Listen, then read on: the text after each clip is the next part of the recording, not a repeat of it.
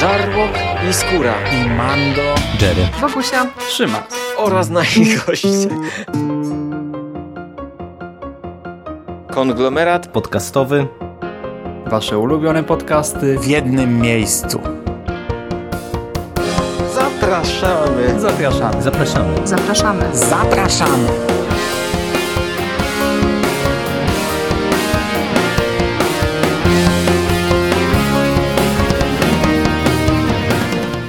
Witamy w konglomeracie podcastowym, czyli na platformie, która zbiera wszystkie wasze ulubione komiksy, zwłaszcza to o Spider-Manie, w jednym miejscu. Po tej stronie mikrofonu witają się z wami Hubert Mandos-Pandowski. Cześć Hubercie. E, cześć. I Szymon Szymasz-Cieśliński. To ja. Witamy również. Spotykamy się tutaj dzisiaj w duecie, by porozmawiać o komiksie Szczęście Parkera, czyli o pierwszym tomie Amazing Spider-Mana wydawanego w Polsce przez Egmont. Szczęście Parkera to oczywiście kontynuacja wydarzeń opisanych w cyklu Superior Spider-Man, bezpośrednia kontynuacja i ten album zbiera zeszyty od pierwszego do szóstego serii właśnie Amazing Spider-Man, zeszyty ze scenariuszem Dana Slota i z ilustracjami Umberto Ramosa. Jak być może pamiętacie, Peter Parker w końcu odzyskał swoje ciało, a co za tym idzie także funkcję przyjacielskiego Spidermana. Z sąsiedztwa jednak Nowy Jork pod ochroną Otto Octaviusa troszkę się zmienił. Tak właściwie to nie troszkę, on przeszedł liczne zmiany. I teraz Peter musi odnaleźć się w tej nowej rzeczywistości. Rzeczywistości, w której ma doktorat, stoi na czele wielkiej korporacji, Anna Maria Marconi jest w nim zakochana, Mary Jane Watson układa sobie życie bez niego, Avengers mu nie ufają, a Elektro i Czarna Kotka szczerze go nienawidzą i zamierzają mu tę nienawiść okazać. Jakby tego wszystkiego było mało, Peter przypadkiem odkrywa, że, że nie jest jedyną osobą ugryzioną przez radioaktywnego pająka. Na arenę w tym komiksie wkracza Silk, yy, dziewczyna, na którą podobno poluje sam Morlun. I to wszystko dzieje się w tym pierwszym albumie. No i Mando, co sądzisz o tym punkcie wyjścia dla nowych przygód Spidermana? E, w pierwszym tomie dzieje się bardzo dużo i, i to tak jak, jak sobie kartkuję ten tom, to wydaje mi się, że aż, aż za dużo momentami. E, przejdę może po kolei przez różne rzeczy. Najpierw cała... Mm, cały wydźwięk tego komiksu jest oczywiście zupełnie, zupełnie inny niż poprzednie siedem tomów. E, po lekturze tego komiksu e, jeszcze bardziej, wiesz, sobie nagle przypominamy, jaki, jaki był ten y, właściwy Spider-Man i jeszcze, jeszcze bardziej odczuwam e, klimat ty, tej serii Superior, mhm. jaki, on był, jaki on był inny i jaki był dobry. Przy czym mam wrażenie, że tutaj e, w tym pierwszym tomie Amazing Spider-Man trochę przesadzono z tym. Tak jakby chcieli na siłę nam włożyć to do gęby. Macie z powrotem Petera, pamiętajcie, że on jest taki, że jest tutaj żart za żartem, że on znajduje się co chwilę w jakiejś żenującej sytuacji, to mu się rozpada strój, to ma gacie zrobione z, ze swojej sieci i, i tak dalej, i tak dalej. Wszystko mu się sypie, wypada z rąk, rozpada, a do tego jeszcze e, na co drugim kadrze on musi rzucić żartem, a do tego jeszcze narrator w, w ramkach musi łamać tę czwartą ścianę i, i, i co chwilę zwracać się do, do czytelnika, też czasami żartując sobie.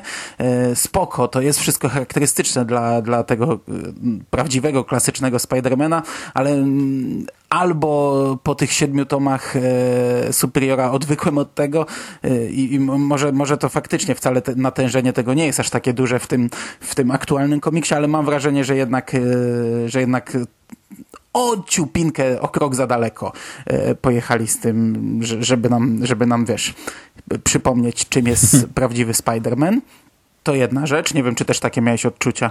Znaczy, rzeczywiście te, te, te, znaczy jedyne co mi tutaj troszkę przeszkadzało to powtórzenie żartu o problemach ze strojem, bo cała reszta jakoś tak mi się mocno nie rzuciło w oczy. No zobaczyłem tak, że o, okej, okay, wracamy do tego starego Spidermana, ale nie czułem, że tego jest za dużo, ale ten powtórzony żart y, o Peterze bez kostiumu, y, który tam lata półnagi, czy w jakichś tam innych gadkach, y, no to rzeczywiście było może minimalnie zbyt wiele dla mnie. Na plus e, zapisałbym to, o czym sami już, już gdzieś tam rozmawialiśmy, że e, te konsekwencje widać, konsekwencje wydarzeń z poprzednich tomów, czyli e, zarówno ludzie są uprzedzeni mocno do Spidermana, reagują na niego negatywnie. Oczywiście są zdziwieni na przykład, że on znów żartuje, że znów walczy inaczej, ale jest to całe dziedzictwo e, Otto e, Superior Spidermana widoczne. Cały czas to się tutaj przebija. Natomiast na minus, i to duży minus, to, co dzieje się z, w relacji Peter Parker, Anna Maria Marconi. E, coś, e, o czym mówiliśmy kilka razy, czekaliśmy, jak to zostanie rozwiązane. E, w zasadzie spodziewaliśmy się czegoś mocno dramatycznego. Tutaj faktycznie pierwsza ich konfrontacja jest, no jest okej. Okay. To wypada dobrze. Potem Potem to też jest przez jakiś czas grane dobrze, bo e, sama Anna Maria Marconi czuje, że to nie jest e, jej e, chłopak, że to jest zupełnie ktoś inny, to nie jest jej miłość, to nie jest osoba, w której ona się zakochała, także radzi sobie z tym całkiem nieźle. Do tego ona jest mm, tym, e, tą nicią łączącą z Otto, bo Parker budzi się nagle w świecie, gdzie ma doktorat, gdzie jest szefem firmy, która opiera się na fundamentach, których on nie rozumie, bo, bo on się zupełnie inną dziedziną nauki zajmował niż Otto, zupełnie inne rzeczy studiował, także on w ogóle nie wie, co teraz ma robić. I tutaj Anna Maria Marconi wychodzi mu z pomocną dłonią, ona jest tą osobą, która ratuje dzień, no ale w momencie, gdy na scenę wkracza Silk, o której za chwilę więcej, to, do, to, to nagle twórcy jakby, ja nie wiem, jakby, jakby też chcieli, chcieli zastosować takie na zasadzie, wiesz, łyknij szybko lekarstwo, to, to nie poczujesz, że smakuje źle, a tak naprawdę poczujesz, ale przejdzie szybko i mam wrażenie, że tutaj też chcą nam taki, taką lepę w twarz sprzedać, e, że, że, że jak nam zaserwują coś, e, coś, coś na szybko takiego mocnego, to, to my już zapomnimy o tym, że, że tutaj jest problem na tej linii Parker, e, Anna Maria. No, mnie się to nie podobało, bo, bo... Ale tobie chyba właśnie bardziej wtedy ten kontrast nie zachowania przeszkadza i to, że pojawia Aha. się Silk, bo gdyby Silk się nie pojawiła, no to wtedy Anna Maria by ci aż tak nie przeszkadzała, tak, ta relacja. No, bo tutaj chodzi o to, że y, Peter Parker i Silk czują jakiś zwierzęcy pociąg, nad którym Dosłownie. nie panują.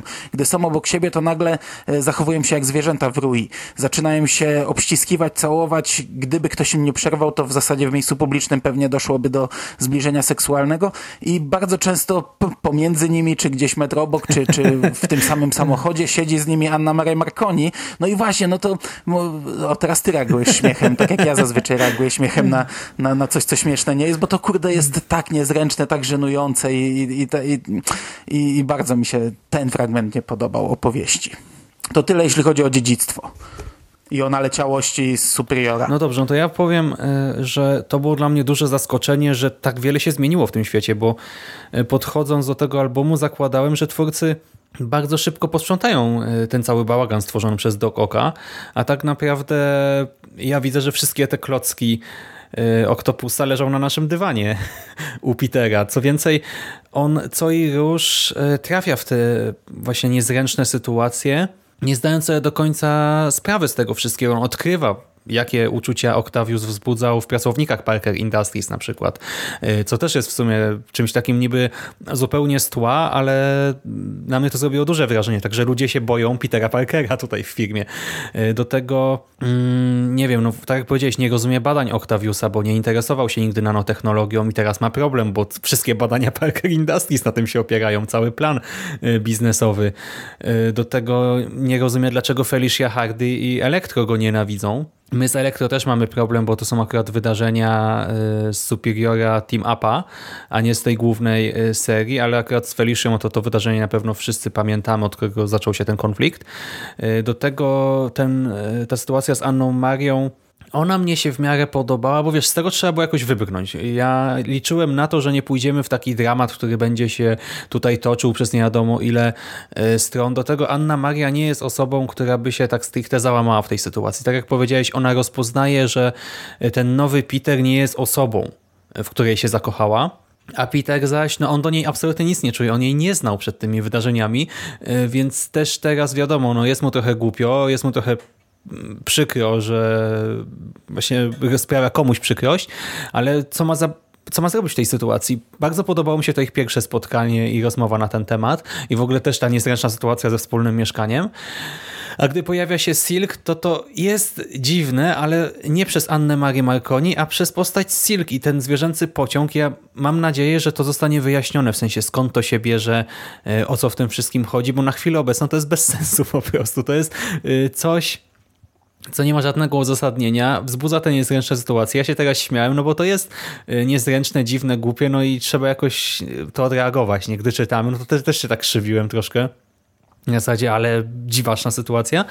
Y, nie przeszkadzało mi to jakoś bardzo mocno, bo liczyłem na to, że dostanę jakieś wytłumaczenie. Jeżeli go nie dostanę, y, a wiem, że w następnym tomie na przykład i w kolejnym go na razie jeszcze nie ma, no to zacznę się irytować, bo to rzeczywiście jest troszkę od czapy. To, co powiedziałeś o tych nawiązaniach, to też jest istotne e, w kontekście elektro, bo w tym tomie tego jest dosyć dużo. Ja, ja zawsze mówię, że to nie sprawia mi żadnych problemów, ale tutaj właśnie zarówno elektro, wątek elektro nawiązuje bardzo mocno do Superior Spider-Man Team Up. Mamy chwilę taki, taki mm, ze dwie strony o rozmowy z Johnem Stormem i, i jakieś tam nawiązanie do Fantastycznej Czwórki. Cały wątek e, Czarnej Kotki nawiązuje do Superior Spidermana. Takich przypisów jest tutaj więcej. Jeszcze Avengersi się pojawiają. Mhm. No, jeszcze Avengersi się pojawiają. Tego jest dużo. Wydaje mi się, że pomimo tego, że to jest jedynka, numer pierwszy, to ten komiks byłoby ciężko czytać bez zrozumienia wcześniejszych, bez, bez poznania wcześniejszych. To jest, to jest dość istotne. Natomiast e, do Silk przejdę powiedzmy mhm. na sam koniec, bo to jest najważniejszy e, motyw z tego komiksu. Wątek Elektro i Czarnej Kotki mnie się nie podobał. Ja wiem, że to mm, jest, są bardzo konsekwentne wydarzenia prowadzone dalej, ale i, i, i może samego Elektro tak do końca właśnie nie, nie, nie mogłem odczuć, bo nie, nie znałem genezy te, te, te, tych, mm, tej historii, tych wydarzeń, nie, nie znałem początku tej, tych wydarzeń, które widzimy tutaj. One są oczywiście jakoś e, zasugerowane, e, w krótkiej formie opisane, ale chodzi mi o to, że e, to się przewija przez cały tom. Oni koniecznie chcą pokonać tego Spidermana i to jest takie, wiesz, mam plan, a jaki jest twój plan? Wejdziemy i rozpieprzymy wszystko. To ma być plan? Tak, to będzie plan. Jeps i jebudu. Oj, kurczę, nie wyszło, uciekamy, ale mam nowy plan. Jaki? No tam pójdziemy i też rozpieprzymy wszystko. Jeps, jebudu i tak, tak mam wrażenie, że cały ten komiks opiera się trochę na, na, takim, na, na, na takim absurdalnym skakaniu od, od jednego bezsensownego prania się, bez żadnego planu, pomysłu, koncepcji, wpadania pełno piorunów, prądu, e, głupie żarty i, i dlatego to, to, mi tak średnio, średnio grało. Jeszcze, jeszcze ona ma tutaj bardzo duży mm, żal do tego Petera, gdzie tak naprawdę, no okej, okay, ma podstawy. Dostała, dostała w, w twarz, e, została pobita przez poprzedniego Spidermana i e, oddana policji, aresztowana, znajdowała się teraz w więzieniu. E, no to okej, okay, no ma żal, ale równie dobrze, no, no mogliby też chyba przysiąść i chociaż dwa zdania zamienić, a tutaj za każdym razem, jak on jej próbuje powiedzieć, to nie, nie, nie będę cię słuchać, nie, ty nie jesteś, zabiję cię, nienawidzę cię. Takie, takie trochę się w sumie cieszę, że to chyba się skończyło. Mm, no właśnie się nie skończyło, Mando, przecież, bo...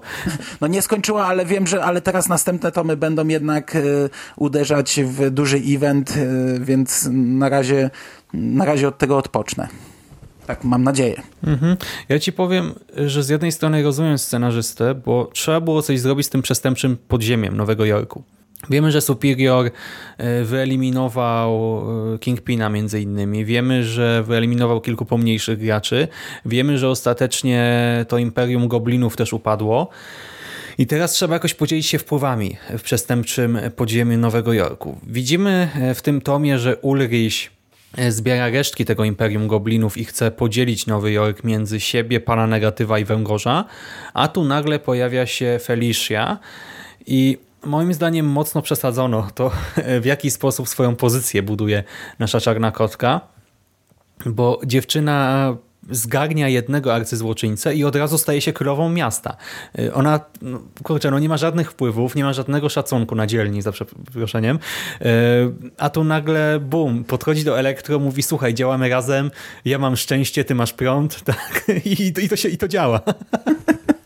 Y, znaczy, No rzeczywiście po wyeliminowaniu Kingpina i Zielonego Goblina nie ma zbyt dużej konkurencji w tym mieście, no ale nadal to troszkę zbyt wiele tak dla mojego zawieszenia niewiary i to o czym mówisz wynika z tego, że co jest no umiejętnością Czarnej Kotki? To, że umie się włamywać y, i że ma szczęście, tak? Więc to jej szczęście tutaj na ogół działa, no ale to nie jest jakaś szczególnie efektywna moc, a Elektro mnie w miarę pasowało to, co zostało wplecione w narrację y, z tych wcześniejszych tomów, bo y, rozumiałem jego motywację, rozumiałem jego problemy, przejścia, y, skąd się bierze jego frustracja. Nawet bardziej rozumiem jego niż Czarną Kotkę, no bo Czarna Kotka straciła wszystko, ale dla Czarnej Kotki wszystko mhm. no to było mieszkanie pełne antyków, obrazów.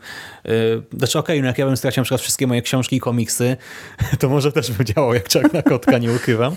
Ale nadal Wiesz, mamy tę dziewczynę, która straciła e, jakieś bibeloty i rzeczy, które no po prostu tam leżały u niej w domu i sprawiały, że czuła się e, bogata i wspaniała. I mamy Elektro, który był katowany, był torturowany, e, przypadkiem doprowadził do śmierci jakiejś absurdalnej ilości osób, przestał kontrolować zupełnie swoją moc i, i, i wariuje. On zwyczajnie traci zdrowie psychiczne. No i tutaj jednak jestem Team Elektro, tak? A Felicia i to, że jej się właśnie wszystko tutaj udaje, to jest trochę naciągane dla mnie. Ale cały ten wątek, znaczy tak jak mnie irytował rzeczywiście, yy, tak ostatecznie, wiesz, z dystansu jak na niego patrzę, to okej, okay, po prostu, no. Trochę się tam działo ciekawych rzeczy. Nie do końca to miało sens, ale nie, nie krytykuję jakoś, nie wiem, nie mam jakiegoś żalu po lekturze. No, ale ja podobnie tutaj to, to odbieram. Elektro dużo, dużo bardziej kupuje jego e, zachowanie i motywację, e, szczególnie, że no nawet jeśli mm, on tam gdzieś jest na granicy tego szaleństwa, to też mm, inaczej patrzy na bieżące rzeczy. Na przykład, gdy dociera do niego, że mogą mu pomóc, że, że, że Peter może go e, wyleczyć, uratować, to, no to on nie reaguje tak jak, tak jak kotka, tylko, tylko gdzieś tam ta iskierka się u niego zapala w głowie trochę inaczej na to, na to patrzy. Także, zapala. tak, tutaj. I go zwala pół miasta. Z takich pomniejszych wątków jeszcze warto zwrócić uwagę na to, co dzieje się e, z Jamesonem, czyli e, nasz burmistrz Nowego Jorku teraz e, dostaje swój talk show telewizyjny i w którym, w którym wariuje tak jak zwykle. Jest tak samo przerysowaną postacią, drącą się, wydzierającą, e, chcącą zniszczyć Spidermana, ujawnić wszystko. No tylko to taki drobiazg, nie? Ale jest istotne, że, że to też jest w tym komiksie. No tak jak mówię, w tym komiksie jest, jest, jest w cholerę tych wątków, jest bardzo dużo. Kolejna konsekwencja tak działalności Superiora też w dużej mierze. No i w drugiej części albumu jeszcze bierzemy udział w takim krótkim starciu z Bezrozumnym, który zamordował Watchera i użył jego oka przeciwko Avengers. I my jesteśmy świadkiem tego, jak ta moc oka działa na Petera. Otóż Peter poznaje prawdę o Cindy Moon, czyli drugiej osobie ukąszonej przez radioaktywnego pająka tego oryginalnego pająka, tak stworzonego przez Osborna i okazuje się, że Cindy została uwięziona przez Ezekiela w bunkrze w jego dawnym biurowcu. Peter oczywiście wyswobadza dziewczynę i tak rozpoczyna się e, era Silk. Tak? Nasza Cindy rozpoczyna działalność jako Silk i nasz pajęczy duet e, ściąga na siebie uwagę e, Morluna, którego poznaliśmy w powrocie do domu i który powróci w kolejnych tomach Amazinga, czyli w Preludium do Spider-Versum i samym Spider-Versum. Tak, to jako punkt wyjścia jest ciekawe. No, sam, same te, mm, e, te pająki w rui, o których mówiliśmy, no to to inna bajka, ale to jest samo pojawienie się Silk jest powiedzmy najciekawszym elementem jak dla mnie tego komiksu na razie. To, to bardzo szybko nas prowadzi do wydarzenia dużego, do, do dużego eventu. Tak naprawdę, wiesz, dopiero dostaliśmy miękki mhm. reset, dopiero zaczyna się e, nowa, tak jakby seria, a już te wszystkie serie e, od samego początku, od startu zmierzają do, do dużego eventu i, i właśnie wprowadzenie Silk jest takim e, pierwszym krokiem do tego eventu.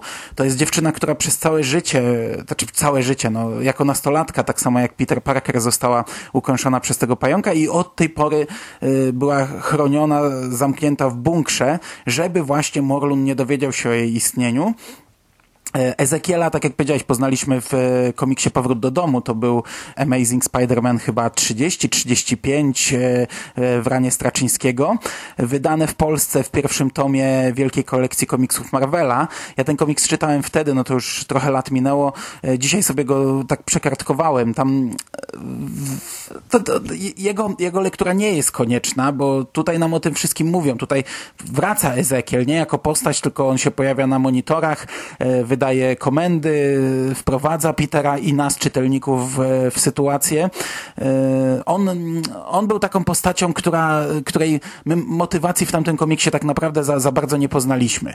Wiedzieliśmy, że on ma moce takie same jak Spider-Man, e, tylko wykorzystuje je w trochę innych celach i on tam pojawił się w życiu Petera Parkera, żeby go um, przygotować na, na pojawienie się Morluna. E, tamten komiks w drugiej połowie to była taka na, na napier, napierdzielanka pomiędzy e, Spider-Manem a Morlunem. Spider-Man tam zebrał potężne bęcki, e, przy czym sama końcówka tego komiksu wydaje mi się dziwna w kontekście tego, co teraz widzimy, bo e, ostatecznie Morlun w momencie, gdy próbował pożywić się Spider-Manem, to zadziałało na niego niekorzystnie, bo e, wtedy wyszło tak jakby na jaw, że, że wiesz, że ten pająk był radioaktywny i Morlun wchłonął tą radioaktywność, e, która była dla niego tak jakby śmiertelna. No a, a teraz wiemy, że to wprowadza nas do eventu, gdzie cała rodzina Morluna będzie żywić się wszelkimi Spider-Manami z całego multiversum, więc, więc nie wiem, to tak trochę niekonsekwentnie. No ale nieważne. Tutaj widzimy echa tamtej historii. Jest wyraźnie powiedziane, że Spider-Man kiedyś zabił e, Morluna, chociaż on tam tak naprawdę nie odpowiada za jego śmierć. On go doprowadził niemalże do śmierci i, i, i miał taki konflikt, czy, czy zabić, czy nie, ale Morlun był, wiesz, takim odpowiednikiem Drakuli, który miał też swojego odpowiednika Renfielda. I tak naprawdę to Renfield wtedy pociągnął za spust i, i, i zabił tamtego Morluna. Na chwilę obecną wiemy tylko tyle, że, że z jakichś powodów Ezekiel trzymał Cindy Moon uwięzioną. Wiemy, że w momencie, gdy Peter Parker otworzył ten bunkier, Morlun gdzieś na innym świecie e, wyczuł to, tak jakby przebudził się, wyczuł e, Silk, czyli Cindy mhm. Moon i y, za chwilę zaczną się wielkie łowy. Nie wiemy dlaczego ją wyczuł, nie wiemy dlaczego ona jest tak potężna, tak silna. Z tego komiksu na razie to nie wynika. Y, nie wiemy czy te łowy, to czy y, z powrotu do domu wiemy, że łowy tak naprawdę trwają od, od, nie wiem, od wieków, ale na chwilę obecną to dla mnie jest jeszcze zagadka. Ja jeszcze nie zabrnąłem tak daleko w tych komiksach. Silk jako postać podoba mi się. Zarówno ten jej strój, chociaż ona go dosyć szybko zmieni. Ma taki fajny strój z sieci zrobiony. Tutaj no, no widzimy jej pierwsze walki tak naprawdę. Ona odkrywa świat. Nie, nie, nie żyła w tym świecie od, od nastu lat, czy tam nawet dziesięciu, kilkudziesięciu lat. Nie pamiętam jaki to był przedział czasu. E, oczywiście ona dostawała na bieżąco jakieś tam informacje, wie o, o, o Spider-Manie bardzo dużo, śledziła jego, jego akcje, jego przygody. Ale ja jestem na razie na tak. Podoba mi się to. No, no niewiele więcej tutaj można powiedzieć, bo e, to jest dopiero wprowadzenie. Wprowadzenie postaci. Nie wiadomo e, jaka będzie jej rola w tym całym e, wielkim evencie, ale na chwilę obecną jestem na tak. Podoba mi się ona jako mhm, postać. Znaczy Silk też mi się bardzo podoba i ja rozumiem zupełnie jej zachowanie w tym tomie. To, że gdy zostaje uwolniona, to ona najpierw jest załamana, oburzona, a potem gdy Peter opowiada o kilku rzeczach, między innymi o tym, o czym teraz powiedziałeś, o tych wydarzeniach e, z przeszłości, to się uspokaja i chce skorzystać z tej okazji, tak? Chce wyjść na zewnątrz, zobaczyć świat, yy, przetestować swoje moce w otwartym terenie, a nie tylko w jakimś tam yy, no, pomieszczeniu. Znaczy ono niby nie jest jakoś malutkie, ale to nadal no, to jest kilka metrów na kilka metrów yy, prawdopodobnie, więc ją zupełnie rozumiem, ale troszkę Petera tutaj ogłupiono, ja mam wrażenie, bo on ignoruje wszystkie ostrzeżenia, tak? W ogóle nawet nie słucha tych komunikatów do końca, tylko tak, wiecie, odkrywa no, bunkier racja, zamknięty racja. od kilkudziesięciu lat i nie może poświęcić teraz tej minuty, dwóch, żeby chociaż posłuchać e, do końca komunikatu, tak jak zazwyczaj arcy złoczyńców słucha, tak? Nawet jak gadają głupoty przez 10 minut, no to Peter y, no. tego potrafi wysłać, a tutaj tak, e, co tam będę cię słuchał, idę dalej, otwieram bunkier. To jest pierwsza rzecz, a druga rzecz to to, że tak jak właśnie dla Silk to wyrwanie się jest czymś logicznym, tak fakt, że Peter nie zadaje więcej pytań, tak? Nie stara się poznać więcej detali, no to jest troszkę głupie, no, mówmy się. Okej, okay, no mamy tę właśnie dziką, ten dziki magnetyzm, ten zwierzęcy magnetyzm, który może go jakoś tam ogłupia, y, ale nadal troszkę to szybko zostało pchnięte do przodu. Tak oni się spotkali, bum i po chwili zaczynają się już, już działać na własną rękę, każdy z nich jakoś tam y, ma własne przygody. Troszkę to było dziwne, ale sama postać Silk jest rzeczywiście intrygująca na razie i też w sumie bardzo fajnie rysowana. Może w ogóle przejdziemy do ilustracji, co? Ja tu wiele o ilustracjach jak zawsze nie powiem, e, także, także przejdź i, i powiedz. Chociaż rysunki Silk mi się podobają, e, jej postać. Może, mm, może nie pamiętam jak dokładnie w tym tomie, bo ja bardziej zwróciłem e, w kolejnych tomach uwagę na to, jak ona jest jak ona jest rysowana. Pomimo tego, że, że, że ta kobiecość jest podkreślana, to wcale nie jest to... E, ale poczekaj, nie chcę zerknę, czy w tym tomie też to tak wygląda, bo, bo w kolejnych wcale to nie była taka... Mm, ja o tym właśnie chciałem powiedzieć, bo... E, piękna dziewczyna. Widzieliśmy, widzieliśmy takie typo, chociaż nie, tutaj to dobra, w tym tomie nie będę na to zwracał uwagi. Znaczy ogólnie, bo w tym tomie na arenę wkraczają Felicia, Elektro i Silk i Umberto Ramos y, obrazuje ich na kilkanaście różnych sposobów. To mi się strasznie podobało, że to nie są y, takie strasznie typowe, standardowe rysunki, a bardziej celowo czasem e, może nie udziwnione, ale celujące w jakąś oryginalność kadry. E, na przykład e, znaczy wiecie, Umberto wygina naszych bohaterów, pokazuje ich z dziwnej perspektywy, tak jakby nam wrzucał cały szkicownik na kilka komiksowych plansz. W przypadku Felici, widzimy ją przecież w tym więzieniu, widzimy ją e, gdzieś tam na mieście, widzimy ją w apartamencie, e, z bliska, z profilu, gdzieś tam e, z boku, w najróżniejszych też pozach. Tak samo Silk. Nawet w przypadku Silk chyba widać to jeszcze lepiej, bo mamy taką ekspozycję, gdzie ona sobie chodzi po suficie, siedzi zwinięta w kłębek, jest pełna energii, jest radosna, jest wściekła, wściekła jest załamana, osobny kadr ze stopami, z tułowiem, zbliżenia na twarz z różnych stron i naprawdę poznajemy postać no, z każdej strony i też świetnie prezentuje się od strony wizualnej sekwencja, właśnie ciąg sekwencji z pożarem w tle. To naprawdę wygląda e, bardzo, bardzo ładnie. Tak samo, nie wiem, kadr, na którym elektro niszczy więzienie, e, kadr na którym Peter uzyskuje wgląd w wiedzę Watchera, to są takie kadry popisowe, które można by jako jakiś plakat na ścianę sobie dać. Y, a wracając jeszcze na chwilę do Silk i Felicia, to y, podoba mi się to, że one mają być pociągające, zmysłowe, seksowne, ale zarazem y, nie świecą nagim ciałem. Felicia no to w ogóle, przecież ona ma strój od szyi tak po pas i jeszcze maskę na twarz. W tym swoim, i niby to jest lateks, tak? ale to nie jest lateks taki wulgarny, tylko w tym swoim stroju wygląda naprawdę bardzo dobrze, a Silk, no ten pierwszy strój no to jest tylko pajęczyna tak na jej ciele, to może dziwnie zabrzmi w sumie, jak ktoś tego nie widział, ale nadal to wygląda nie najgorzej, tak w miarę to wyważono, żeby nie popaść w te tony, które kojarzymy z końca ubiegłego stulecia, tak, z lat 80-90, tylko żeby to były atrakcyjne bohaterki, ale no właśnie nie świecąca, przeproszeniem, cycem. I mnie się to bardzo podoba. Mhm. No bo ona ma, ona ma też dość, dość mocno zabudowany całą, całą klatkę piersiową z szyją i, i przecież pół twarzy zakryte. Yy, no, no, I, to, i to wygląda w sumie atrakcyjnie. Nie? Także I, nie świeci dekoltem, no. nie? Nie, nie? Nie ma wielkiego dekoltu do, do pępka, nie? Albo wiesz, sieci tylko na sutkach, nie? No trochę się bałem, wiesz, po, po tych Deadpoolach, które czytam, to czasem mam takie, o Boże, o Boże, kobieca bohaterka, nie. Ale no, to wygląda w porządku. I jeszcze na koniec dostajemy tutaj taki mały bonus. Krótką historię pod tytułem Jak działa mój sprzęt.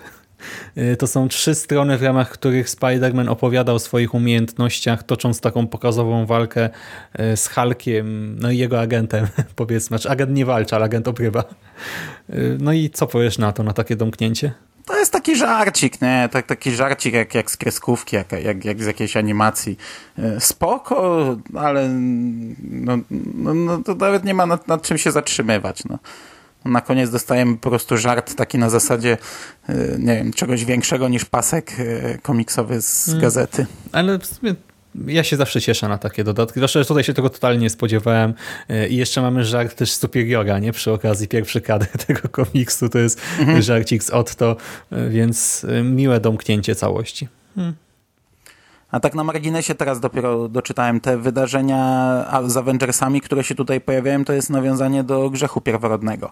Ja grzechu pierworodnego jeszcze nie czytałem, także sobie nie zdawałem sprawy, no ale y, to jest coś, o czym, o czym jeszcze, w przypadku Spidermana będę mówił, bo, bo y, niby ta seria odstaje całkowicie od, od pozostałych wydarzeń, które tam łączą wielkie eventy, ale te eventy mimo wszystko docierają do, do, do bieżących komiksów, które mimo wszystko jednak zbliżają się powoli do końca, do, do tajnej wojny. Nie? Mhm. To znaczy, Mando chce powiedzieć, bo ja nie wiem, czy to wybrzmiało, y, że to nie jest taka seria jak Hawkeye na przykład, gdzie bohater jest totalnie poza tymi wydarzeniami. Tutaj wprawdzie y, ta seria, bo ona nawet na tych takich grafikach, jak czytać Marvel Now, pojawia się jako coś zupełnie osobnego niby, ale jednak, y, no, zwłaszcza w tym tomie już widzimy, że te inne ważne wydarzenia gdzieś tam się pojawiają, są wspominane, czy też mają wpływ na tę serię, tak? Bo gdyby nie to spotkanie z tym okiem Watchera, no to nie poznalibyśmy Silk na przykład.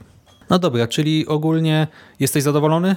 Spoko, jestem zadowolony. Nie, jakoś, jakoś mnie jeszcze póki co na glebę nie rzuciło, ale jestem zadowolony. Ja mam wrażenie, że my sporo narzekaliśmy, ale to mimo wszystko ja byłem zadowolony z lektury. Tak bawiłem się nieźle i podoba mi się to, że właśnie scenarzyści nie anulowali Superiora, tylko pokazują te wszystkie konsekwencje i nawet jeżeli miałem tutaj w sumie sporo uwag się okazało, to ja też jestem na tak. No i teraz co? Trzeba zobaczyć, co tam u Miguela, nie? Co tam u Miguela O'Hary i zbliżamy się do już dużego eventu. Dopiero zaczęliśmy, a już zaraz rozpierducha na skalę galaktyczną. Ale to za kilka dni, a póki co dzięki serdeczne za rozmowę, Mando. Dziękuję Ci również. A Wam kochani dziękujemy za uwagę. Trzymajcie się ciepło, miłego dnia, wieczoru, weekendu i do następnego razu. Cześć! Cześć.